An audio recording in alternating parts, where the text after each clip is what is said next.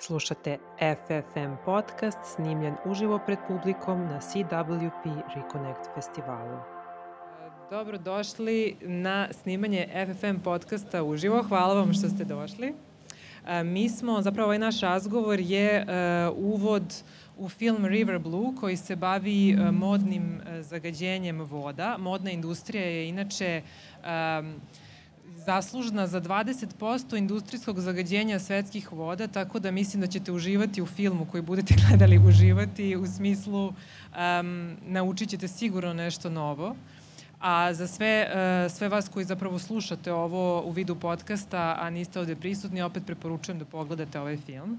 Moji gosti danas su Nenad Radojević, generalni menadžer Beogradske nedelje mode i Nataša Gligarijević, direktorka Centra za održivi razvoj Srbije. I mi smo ovde zamislili ovaj razgovor zapravo kao upravo to, uvod u film gde ćemo pričati o tome kako modna industrija funkcioniše nevezano samo za zagađenje voda, nego generalno, kako funkcioniše cela ta, ceo taj sistem brze mode i onda na kraju ćemo se osvrnuti uh, na to kako funkcioniše moda kod nas. Tako da, hajde da krenemo od toga šta je u stvari problem, zašto se toliko priča o modi u tom negativnom ekološkom kontekstu i šta je to ta brza moda. Evo može Nenad da krene dobar dan svima. Ja se ovde osjećam sad kao neka rock zvezda na ovoj sceni sa mojim dragim pratećim vokalima. Dobar dan Pančevo. Idemo ruke gore i to. Dobro. Gde su ruke gore? Slabo. Tako je, divno. Hvala vam. Ovaj, nećemo na bis, ne brinite. ovaj, dakle, pitanje je bilo šta? Održiva moda? Ne, Šta je brza moda? Brza moda. A, fast fashion ili brza moda, to je ono što većina vas ima na sebi, znači neki od uh, popularnih brendova koje ste kupili verovatno u nekom shopping, shopping centru ili u nekim atraktivnim radnjama. Sa modne strane nemam ništa protiv, naravno, ali ovaj, ako malo razmislite o tome šta nosite i kako nosite, ovaj, možda će nam biti bolje u budućnosti, pogotovo za sve vas mladi koji E, verujem da i tekako imate svest o očuvanju naše planete. E, brza moda e, je nešto što je smislila ova savremena industrija i koja nas tera pod znacima navoda da mi vrlo često i vrlo brzo menjamo našu garderobu, kupujemo stvačice koje nam možda i nisu potrebne, ali prosto bombardovani smo sa svih strana nekim marketičkim porukama i nekako ne možemo da odolimo tim a, modnim novotarijama i nekako je moda tu uvek u prvom planu. A, međutim, morate da znate da postoji opozit takozvanoj brzoj modi, znači slow fashion ili ti spora moda, a to je ono što rade upravo, rekao bih, pravi modni umetnici, to su a, modni dizajneri, samostalni modni dizajneri koji kod nas ima dosta, koji e, mogu da ponude svoju garderobu i preko svojih malih slatkih ateljeja radnji koje imate, verujem i u vašem gradu, i u Beogradu ih ima dosta, ali ih ima dosta i preko Instagrama, Facebooka gde ih već možete naći. I Pa, htjela sam da pitam, evo može Nataša se nadovež da, da kaže kako taj sistem brze mode funkcioniše. Zašto je to e, nešto što se sada negativno percipira? Ne kupuje manje, ali negativno percipira. E, pozdravi od mene. A, pa prvo, ovako, jedan podatak koji mislim da otvara celu priču, to je da mi kupujemo 400% više nego što smo kupovali od 2000. godine. Tako da, mislim da to dovoljno govori u kom pravcu ide priča. E, Daću, znači 65, e, po, 65 puta je veća proizvodnja e, mode u svetu nego pre 20 godina. A, a u principu nam 15 puta manje te garderobe treba nego što je proizvedimo. Znači da se 15 puta više garderobe proizvede nego što nam je potrebno. To je... Znači 400% više zapravo govori koliko su naše navike uh, na udaru kad je u pitanju kupovina, nenormalno tako je. Uh, tako da kada govorimo o brzoj modi, uh, ona je nekako uzročno posledična, znači kompanije više prave, mi, ali nas istovremeno i edukuju zapravo poslednjih 20 godina i više da više kupujemo i uvlače nas u taj svoj uh, začarani krug uh, i zato zapravo se nekako pojavio taj pokret slow fashiona, gde se shvatilo na koji način zapravo brza moda uh, uh, utiče i na životnu sredinu i na zdravlje i na naš džep u krajnjem slučaju, ali najviše, najpozitivnije na profit proizvođača, ali najmanje na naš, najmanje kvalitetno na, na, na, na našu budućnost, tako reći. Dakle, sistem brze mode podrazumeva pre svega tu uh, veoma brzu proizvodnju, kako se zove, jeli, uh, odevnih komada. Naprimer, uh, dobila je, da kažemo, taj sistem brze mode je i nazvan tako uh, po jednoj uh, situaciji, da kažemo, koja se desila 90. godina, kada je brend Zara počeo da izbacuje potpuno nove kolekcije na dve nedelje. I to je u tom trenutku bilo nezamislivo brzo i zato se taj sistem nazvao sistem brze mode od strane jednog novinara magazina New Yorker. E, međutim, u odnosu na te 90. taj sistem te dodatno ubrzao, tako da mi danas e, smo dostigli taj nivo da imamo čak 52 kolekcije godišnje u radnjama brze mode e, što je zaista ovaj, neverovatno. Možda ovako kad govorimo o brojkama i ljudi koji se ne bave modom ne mogu ni da zamisle koliko je to nove odeće na svakih mesec dana, ali tu dakle govorimo ono o milionima komada odeće koji najčešće završavaju na deponijama jer prosto, M što nema ko da ih kupi, M su napravljeni tako da traju kratko, pa i moramo brzo da ih zamenimo, što, što zbog kvaliteta, što zbog toga što je već sledeći trend došao i moramo opet, ovaj, dakle, ta mašinerija modna po, po, ide od toga, dakle, od magazina, reklama, revija, preko, evo sad, društvenih mreža, imamo te mikrotrendove na TikToku, svi vi ovde, evo, mlađi ste, svi znate šta je to, dakle, bukvalno na mesec dana, ako ne i na dve nedelje, se nama preporučuje da se oblačimo potpuno drugačije od glave do pete. Um, ono što je isto važno da kažemo uh, kako, ta, kako to modno zagađenje uopšte funkcioniše. Ajde da nekako samo brzo prođemo, da. Samo bih, uh, dodao bih samo na ovu tvoju priču jedan podatak, pa bih eto zamolio sve vas da budete vrlo praktični. Uh, da bi jedan odevni predmet imao svoju opravdanost, u kupovini, morate da ga odenete bar 30 puta. Znači, uh, farmerke, majicu i nešto što nosite možda svakodnevno, verovatno i, i ispuni taj, to očekivanje, ali većinu stvari koje kupite, evo nekako izračunajte da li ste ih obukli 30 puta i shvatit ćete da, ovaj, da to baš i nije tako. Ukoliko biste imali taj, e, tu takozvanu pametnu kupovinu i E, pri kupovini stvari gledali ono što vam zaista treba, što vam zaista fali, što zaista možete kombinovati sa ostalim stvarima iz svog gardrobera, onda biste i manje i kupovali, manje trošili, a zapravo biste pametnije pravili neke kombinacije. Dobro, nije sad svako sposobno da to uradi, ali mnogi ljudi, profesionalci u ovom poslu mogu da vam na, to, na tu temu pomognu, uh, tako da ima načina, kao što saznajete nešto o tim novim trendovima, saznajete nešto o toj smart kupovini. Mislim, na kraju, ko prati influencere, ima i slow fashion influencera. Mislim da to je prosto nekako, to je kanal kom se pre svega mlađa publika okreće. Tako, mogu da, da dodam samo za zagađenje, zato što ljudi obično kad se priča o zagađenju i kad je modna tekstilna industrija zapravo u pitanju, obično se vidi taj poslednji proizvod, dakle otpad, uh, i ogromne količine garderobe na nekim tamo deponijama, ali suštini nije to, to je poslednja, dakle, karika u lancu zagađenja. Zagađenje počinje od momenta proizvodnje, za načina na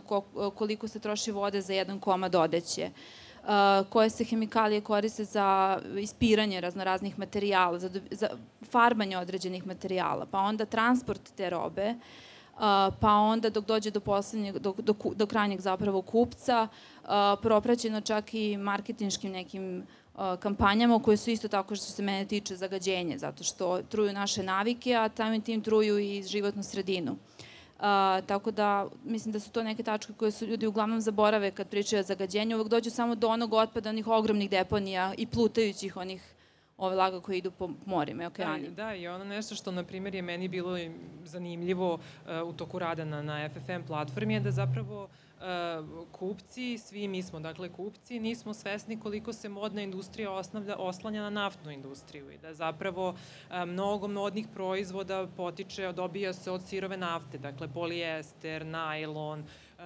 poliuretan, sve one, da kažemo, ta, to je sad popularno, ta veganska koža se uglavnom dakle je uglavnom od plastike, to se tako kolokvijalno kaže, da su to plastični modni predmeti i iako eto kao se reklamiraju uglavnom kao veganski ili kod nas kao eko koža, što je nekako još bizarnije, ovaj, zapravo uopšte nije ekološka i potrebno je da se razgradi na deponijama kao bilo kojoj plastičnoj flaši ili kesi.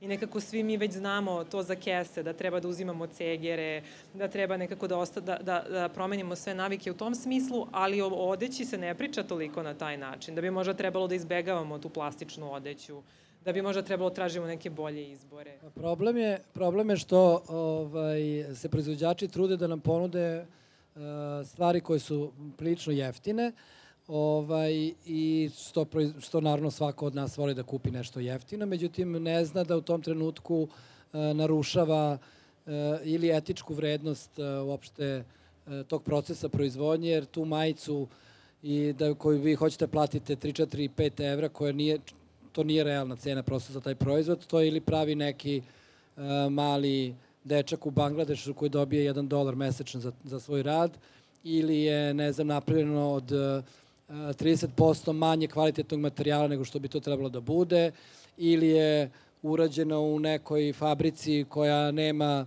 uh, uh, nema proces proizvodnje u onom i meri zaštićen kako, kao što bi trebalo da bude i tako dalje i tako dalje. Da ne nabravam sad sve razloge zašto, kako dolazimo do te neke jeftine majice.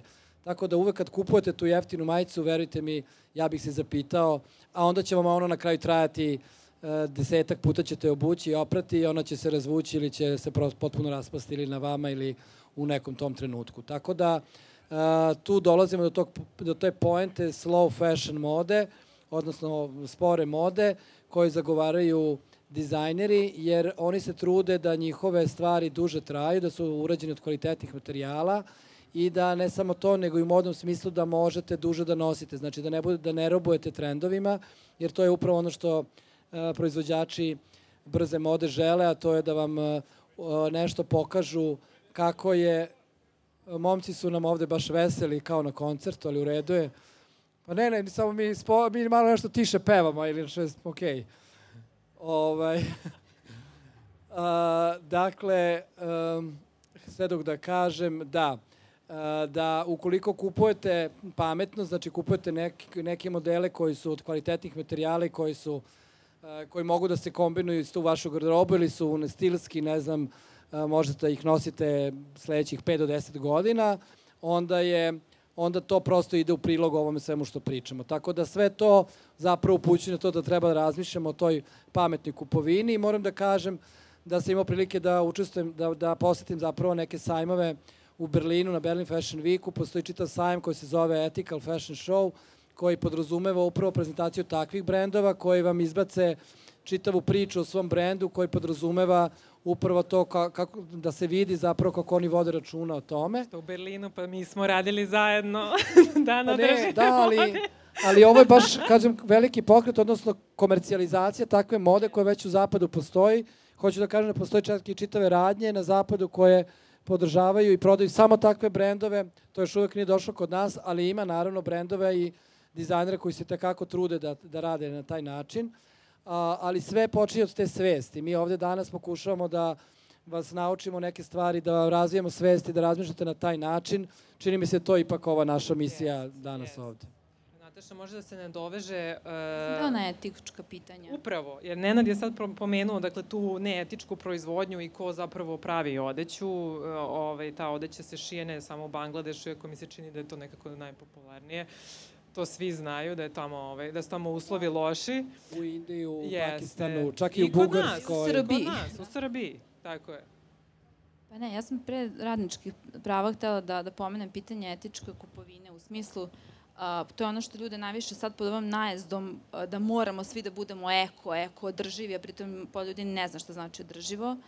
To ćemo malo to ćemo kasnije, posle, da. da. Ali pitanje, pomenula si plastiku i materijali od polijestera, i eko kožu. Jedna od velikih dilema ljudi je sad da li da nose kožnu garderobu, znači kožne jakne životinske kože.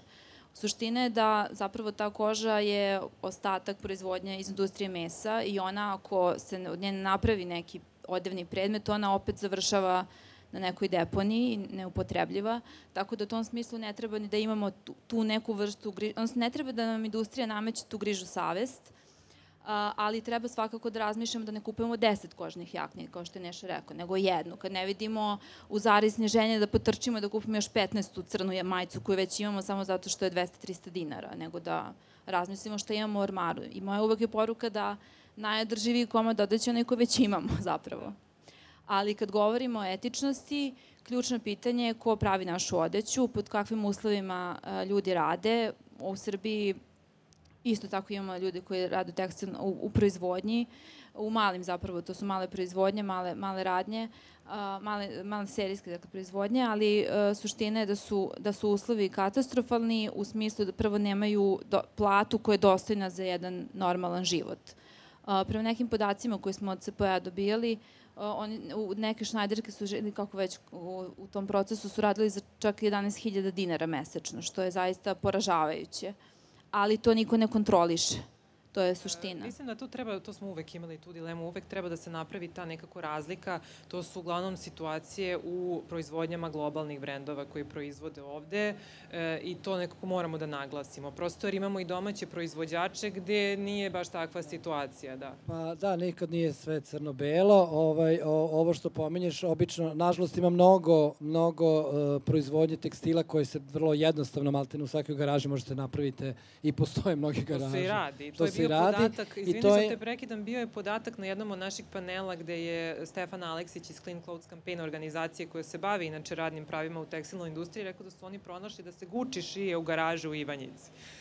Tako da da. Da, moguće sva, svega da ima, ali prosto to je neka e, siva zona i siva ekonomija koja, koja je teško kontrolisati, teško je pronaći. Naravno da, da, da je sve to neprihvatljivo, ali moram da kažem u, u, ovaj, u odbranu domaćih brendova, znači zvaničnih brendova koji su zaista etablirani i poznati na našem tržištu, s obzirom da radim sa njima i da, i da sam uključen u klaster modne i odevne industrije Srbije, da oni tekako vode računa i da su ove teme kojima mi danas pričamo često, česte teme na našim sastancima, da oni žele upravo znajući sve u, svoju problematiku da, da, da poštuju sve te neke nove trendove u, u modnoj produkciji da su plate kod naših brendova veće nego kod inostranih investitora koji dobijaju inače i subvencije od države.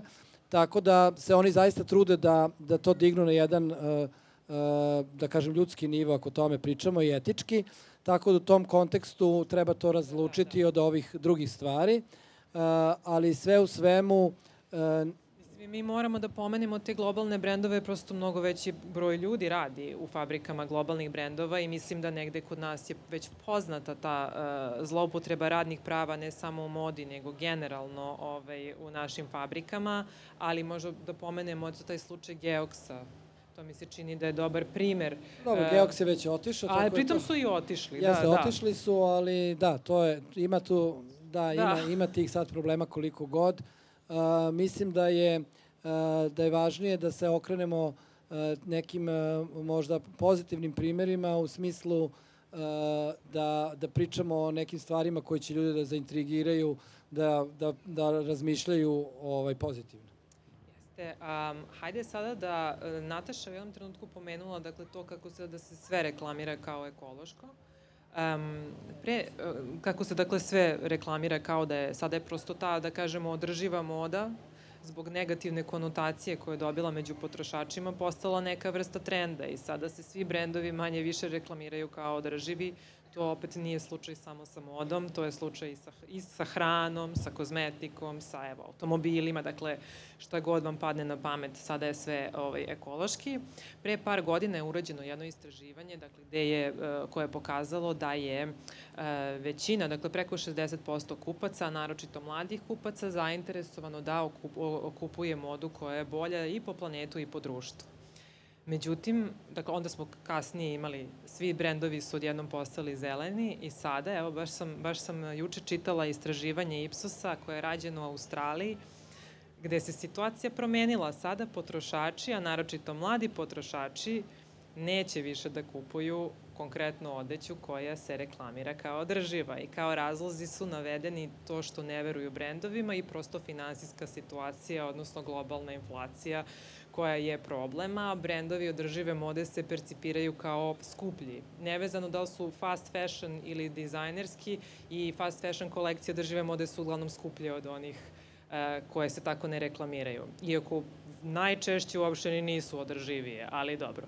Pa, pa hoću sada da posvetim ovaj jedan mali segment upravo tim zelenim reklamama I šta je to taj greenwashing i kako on funkcioniše i kako e, mi ovde kao kupci možemo da prepoznamo tu neku vrstu eko obmane. Pa evo Nataša, hoćeš ti da kreneš?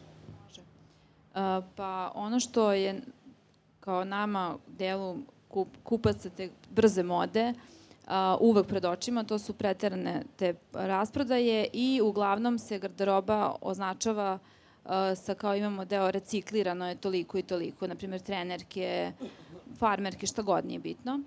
Uh, suštinski uh, to su uglavnom pod upitom uh, svi sti procenti reciklažnog dela materijala, a, zato što to prosto ne može niko da dokaže, to brendovi ne radi, brendovi zapravo vrlo manipulišu sa, sa tim stvarima, manipulišu kroz marketing, uh, Zara, H&M, mislim da možda ne pominjamo brendove, ali zašto da, da ne, mislim, da. zato što su u prethodnih, prethodnih mesec dana su čak i procesuirani neki brendovi. Uh, H&M je u Holandiji, čak su kao, oni, oni imaju nekakvu komisiju za etički marketing ili tako nešto i proglasili su ove njihove conscious kolekcije kao uh, obmanjujuće da, da. i H&M je to priznao i rekao je da će povući u Holandiji tu etiketu. Sad ne znam da će to globalno da se pa, desi. Ali... Da, ostalih 157 država neće. Da, neće, da. da. Kao sa Adidasom išto imamo slučaj s patikama gde se kaže 50% je recikliran materijal, ali to niko ne potvrđuje šta je tu reciklirano 50% i... Nije kraju se ispostavilo da nije uopšte 50%, da je prosto, da, ima ili, raznih... Ili, na primer, Zara ima kampanju, kaže, naše sve prodavnice su energetski efikasne. Šta to znači? Šta znači energetski efikasne? Kao naši prodavci se ponašaju, ponašaju u samom sistemu prodaje kao energetski efikasno. Gase šta svetlo. To, da, troše manje vode, ne piju vodu na radnom mestu ili šta. Da, da, da. Mislim, ali u suštini to je e, zeleni lažni marketing zapravo je nešto čime smo mi bombardovani sve vreme. Evo jedan shopping mall u Beogradu e, je imao neku kampanju zelene kupovine, održive kupovine svakog utorka ili tako nešto i onda su napravili jedan ingeniozan slogan uh, nezadrživa kupovina za održivi razvoj.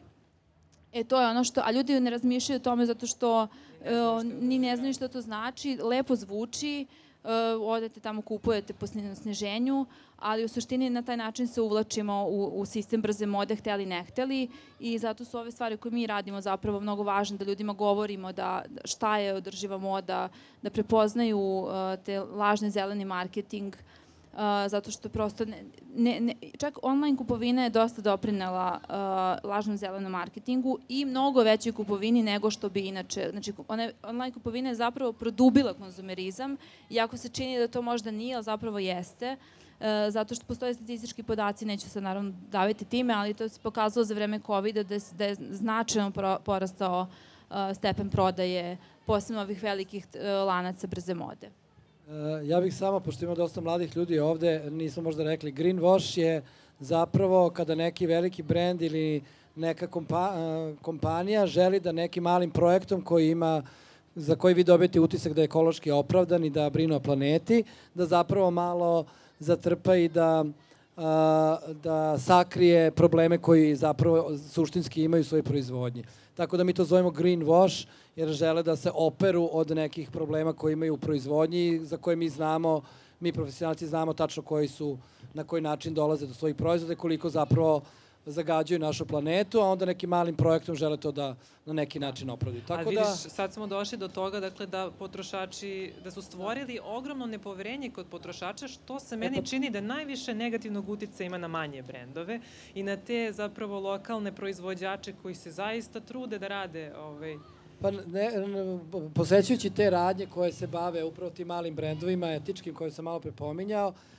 ljudi e, kad dođu tamo nekako steknu poverenje u, i kad čuju, kad znate recimo, čak i u Beogradu, sad sam u jednoj radnji video na etiketi piše ime žene koja je plela taj neki džemper e, ili tako neke sitnice, te stvari u toj nekoj prepoznavanju kupaca tih nekih stvari se stiče neko poverenje, imam utisak da tako ljudi mogu lakše da dođu do, do neke, ako smijem da kažem, prave istine, što je pleonazam, ali, ali zaista zloupotreba tih nekih sad popularnih reči zaista dovodi do, do, do, dolazi do zbunjujućih situacija, tako da ipak ostaje na svima nama da, da sami procenimo da li zaista jedan veliki brend može da bude toliko ekološki osvešćen ili ne, ili bar da to osetimo po, ne znam, materijalu koji je adekvatan ili da prosto imamo iskustvo ako smo majicu koju smo prethodno kupili i bacili posle 10 pranja, da zaista sledeću majicu ne treba kupimo u tom brendu, nego ćemo kupiti negde drugde. Tako da prosto... Manje kupujemo. Da manje kupujemo, to je sad ovaj, teško reći, ali... Ovaj, ali sva, može da se proba. Pa dobro, kod nas je situacija da ljudi svakako manje kupuju zbog materijalne situacije, ovaj, ali uvek podržavam taj E, tu pametnu kupovinu, jer, jer zapravo ona je u suštini ovaj, i tog problema. Samo da dodam da ljudi ne treba da ošto budu opterećeni time sad da razmišljaju kad gledaju. Prosto ne može se prepozna, zato što manipuliše se rečima, ali samo treba da imaju svest o tome da, da jer moraju baš da budu stručni da bi videli da li ima taj, taj procenat, taj sertifikat, ali samo da imaju svest da kada vide da to je potencijalna manipulacija i da stvarno razmisle da li im taj komad treba. Jer greenwashing nije nešto što je sad više u modnoj industriji samo. Bukvalno svi greenwashuju. Znači, svi koriste taj uh, prefiks eko ili održivo da bi opravljali neku svoju aktivnost. Bilo koja industrija da je u pitanju. Uh, pogotovo velike kompanije su pod pritiskom uh, izveštaja na godišnjem nivou koje moraju, koji su obavezi zakonski da daju o svojim uh, kampanjama korporativnim, društveno odgovornim i onda to vrlo zlopotrebljavaju, izmišljaju koje svakakve načine, a najgore je kad vam jedna korporacija ne, nebitno sad koja, da li telekomunikacijona, da li modna, daje savete kako vi kao pojedinac treba da se ponašate održivo ili da se ponašate ekološki, da poštujete životnu sredinu, a oni to apsolutno ne rade od početka do kraja procesa proizvodnog, potrošačkog, kako god. To se dešava vrlo često. Vrlo često imamo zapravo te kampanje, imamo i lokalno te kampanje. Kaže, mene su pozvali da učestvujem u jedne. Ne znam šta se desilo, da li se bila snimila ili nije, ali de, mislim, prosto ima toga. Mm, moj utisak je da je to najčešće upravo zbog e, nerazumevanja same teme, a ne zbog neke sad loše namere, kao ima i toga, ali mislim, najčešće mi se čini da je kod nas nerazumevanje teme, nerazumevanje toga šta je zapravo održivi razvoj, i da je to tretiranje ekologije kao trenda zarad ovoga što smo rekli, da se kompanija prosto zadeluje da, da posluje bolje. Moramo biti, izvini, nešto, samo bih dodala, da moramo biti racionalni kad su kompanije velike, kad su ogromni sistemi u pitanju. Znači, taj proces transformacije kao drživom ekološkom ne može se to preko noći. I ne može se to tako radikalizovati zato što posledica uglavnom uh, uvođenja tog sistema održivosti, da, na primjer, prva posledica je bila da ljudi ostaju bez posla. Kada se sistem, kada se uvedu nove tehnologije, kada se uvedu proizvodni procesi koji zapravo, ako svo, strudite se da to svedete na minimum nekog negativnog uticaja, ekološkog, pozdravlja kako god, uglavnom, uh, ono što zašto se kompanije prvo uhvate, to je da daju otkaze. I vi onda dobijate socijalni problem. Tako da mora, biti, mora se zaista racionalno pristupiti kada se govori o velikim sistemima i na koji način to mora da se reguliše, ali je bitno da im se opet ne dozvoli da, da greenwashuju i da to zloupotrebljavaju. Štedimo. A sada unplugged.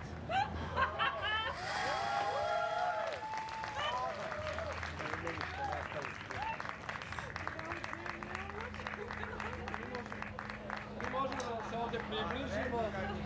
Retrogradni Merkur. Da. Mi možemo da se približimo i da, da malo vičemo.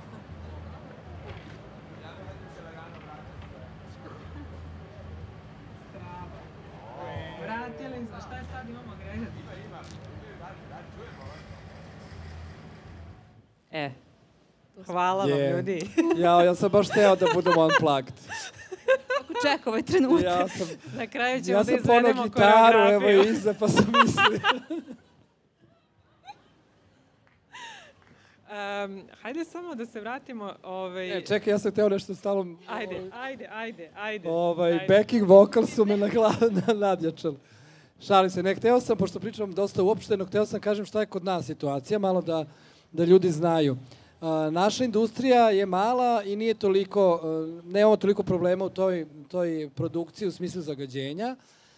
Pričali smo o tom etičkom momentu i zapravo ono što sam hteo da kažem u, modnom kontekstu jeste da su ljudi nekako, ja sam generacija iz prošlog veka, tako da se, smo se mi dovijeli kako da dođemo do prvih nekih modernih stvari, mogli su se kupe 500 kec u komisionu i to je to. Jedne patike koje su stigle starke i to je to. A, I onda smo se... Bravo! Moram vam plak, gotovo je. Ne vred. Šta ćemo da radimo? Sjećamo kod njih.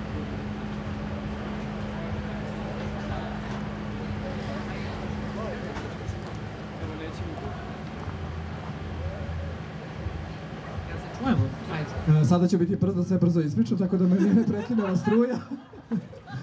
ovaj, e, znači, e, vratite, razmi, razmišljate malo o pozitivnom kontekstu. Redizajn je postala vrlo popularna i poznata reč, koju, pogotovo kod mladih kreatora, mnogi mladi dizajneri rade redizajn. E, imate kod kuće brdo stvari, od mame, tate, bake, deke, sve jedno. Nađite nešto, budite kreativni, pogotovo pričam za, za klince. Uh, biće vam zanimljivo da nešto možete da uradite. Kad napravite svoju prvu džins jaknu sa dodatim nitnama, perlama, šta god, i sečete rukave, uh, verujte mi, bit ćete mnogo zadovoljni, srećni, s ponosom ćete nositi u jaknu, mnogo više od onih 30 puta koji sam spomenuo. Tako da, eto, navijam za tu kreativnost. Inače su se nam, nam se mladi mnogo zaludili za telefone, Instagram i sve onako veruju onom što vide tamo, a nisu dovoljno kreativni, tako da, eto, utičem Pa ovaj, na tako, taj način. Pa nemoj tako. Pa moram. Nataša, sam- ajde ja sada sam onaj kraj. ovaj, sa žičnim telefonom. Nataša, ajde sada ti reci nama lepo šta je to održivi razvoj i kako se to uopšte primenjuje na domaću modnu industriju generalno kod nas, kako je stanje sa održivim razvojem. Mene prvo zanima da li iko ovde zna šta je održivi razvoj. Ne, Osoba, jedna osoba bar se jedna, javila. da. A, Jedna osoba. a, suštinski, znači naj... Bravo. Da. Od nas aplauz, da. A, ovako, znači, kad je reč o Srbiji, da sad ne pričam mnogo o nikakvim statistikama, dokumentima, iako je to još i dalje na tom nivou, kad kažem dokumentima, mislim na, na državn, zakonskoj regulativi i tako dalje. Ne postoji ništa konkretno. Ne, mi smo potpisali tu agendu 2030 Ujedinjenih nacija 2015. i od tada bi trebalo da je sprovodimo. Šta praktično znači to sprovođenje? Pa to znači sve ovo što smo mi do sad pričali. Znači da se a, poštuje ekološki principi pri proizvodnji, pri potrošnji, bilo kojoj industriji. A, to je uvelo, kod nas je taj termin a, cirkularna ekonomija, da ubacim još jednu, još rogobatniju stvar u razgovor, ali ovaj, e, suštinski e, mnogo se govori o održivom razvoju, ljudi ne razumeju pojmove, a sve ono što mi radimo e, razvijajući svoju svest, da manje trošimo, da se ponašamo u svakodnevnom životu e, ekološkije, ako se tako može reći, to je sve održivi razvoj. E, e, pro- mali proizvođači, pro- po- podrška domaćim brendovima, to je sve deo održivog razvoja. Znači, pot, A koje su prepreke koje mi imamo i na kojima mora da se radi? Kada je moda u pitanju, to može Nenad da se nadoveže. Da, koje su prepreke? Pre svega, čini mi se, reciklaža, nemogućnost za reciklažu tekstila, Da. generalno i što se tiče ljudi i što se tiče proizvođača. Pa ima mnogo prepreke, pre svega mislim da ta zakonska regulativa Neophodno. ne, neophodna i posto ne postoji. E, konkretno znam da naši proizvođači pokušavaju da e, se na adekvatan način reše svog otpada, ali da to prosto ne mogu. Nećete verovati da e, svaka fabrika za reciklažu koja bi trebala da skuplja taj otpad i da ga reciklira na neki način, ne može se otvori kod nas iz prostog razloga što nemamo dovoljno otpada. Znači, ili, se, ili, ili treba, ili komplikovano se prikupi, ili ima sad raznih problema. Uh, kad bi, recimo, država imala svest o tome da uh, subvencioniše neke od tih procesa, možda bi mogli da dođemo do, do načina da otvorimo prvi neki reciklažni centar, zatim tretiranje otpada uh, u tom nekom poreskom i materijalnom smislu, s obzirom da otpad nije prepoznat kao roba, da tako kažem, i ako vi hoćete, dobijete otpad i ako hoćete ga ustupite sledećoj fabrici za, ne znam, proizvodnju krpa ili, ili izolacije za električne kablove ili već takve fa- fabrike postoje kod nas, vi prosto to ne možete administrativno da uradite jer to nije regulisano nekim pravilima ili zakonom ili već kako god.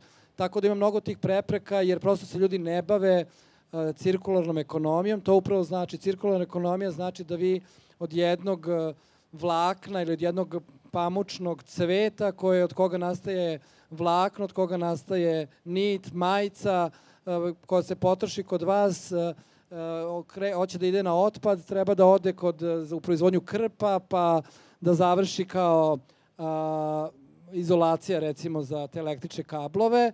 To je zapravo taj cirkular koji treba da traje što duže. Znači ja sam sad nabrojeno šest a, nivoa korišćenja tog jednog a, pamučnog cveta. A, što više tih koraka ima, to je cirkularna ekonomija bolja i, i ovaj prosto primenljivija. primenljivija. Da. E sad, ako vi u tom procesu ste onemogućili, to jest onemogućavate taj proces, to onda prosto nije dobro, a o tome mora da brine neka institucija. Eto, bio sam praktičan nekako valjda. Evo, ja ću dodati još jedan primer uh, apropo uh, tekstilnog otpada. Uh, uh, uh, postoji jedan deo otpada koji, da budem sad računa kako će se izraziti, o, uh, otpad kines, kineska dakle, garderoba koja se tretira kao opasan otpad. I to je veliki problem kako se on, zapravo on ne može da se tretira adekvatno, zakonska regulativa nije adekvatna. Ne bih sad pominjala firme, na to mislim, ali ovaj, to je jedan od velikih problema. Dakle, velika količina kineske robe koja se kod nas uvozi, koja je dokazano da ima kancerogene kancerogene materije, to je opasan da. otpad i to nije kod nas adekvatno zbrinuto zato što regulativa nije adekvatna. Jeste, jeste. Mislim, to je, nije samo problem kod nas. To je problem i u susednoj Bugarskoj, gde se uglavnom takva odeća spaljuje ovaj, i onda doprinosi zagađenju vazduha i tako. Dakle, mi imamo ovde materijala da vam pričamo još pet dana, ali ovde ćemo da završimo. Meni se čini da smo uspeli... Ima neka pitanja. Da, naravno. Sad bih ovaj, za, za pitanja... Uh, ne, mi ovde ne neko... možemo da imamo bis. Mislim, osim ako nećete sad i da vam pevamo, a nećete, realno nećete. Da li, da li ovaj, imate možda neko pitanje za, za uh, nas? Ne. A oni telefoni sa svetom na kraju koncerta, ono bar to. e, pa ljudi, hvala vam na pažnji, baš je bilo super. Hvala vam što ste došli i Nadam što ste nas ste nešto zapamtili od ovoga. Ovaj, posle silazimo dole da vas ispitujemo, dajemo ocene i dobijate poklone, niste znali, evo sad ćemo to da izvedemo. Nećete dobiti poklone. Šalim se, ja sam samo malo, ja sam samo malo kreativan, ništa više. E, hvala vam, ljudi. Uživajte hvala. u filmu i u koncertu. Hvala. Ćao.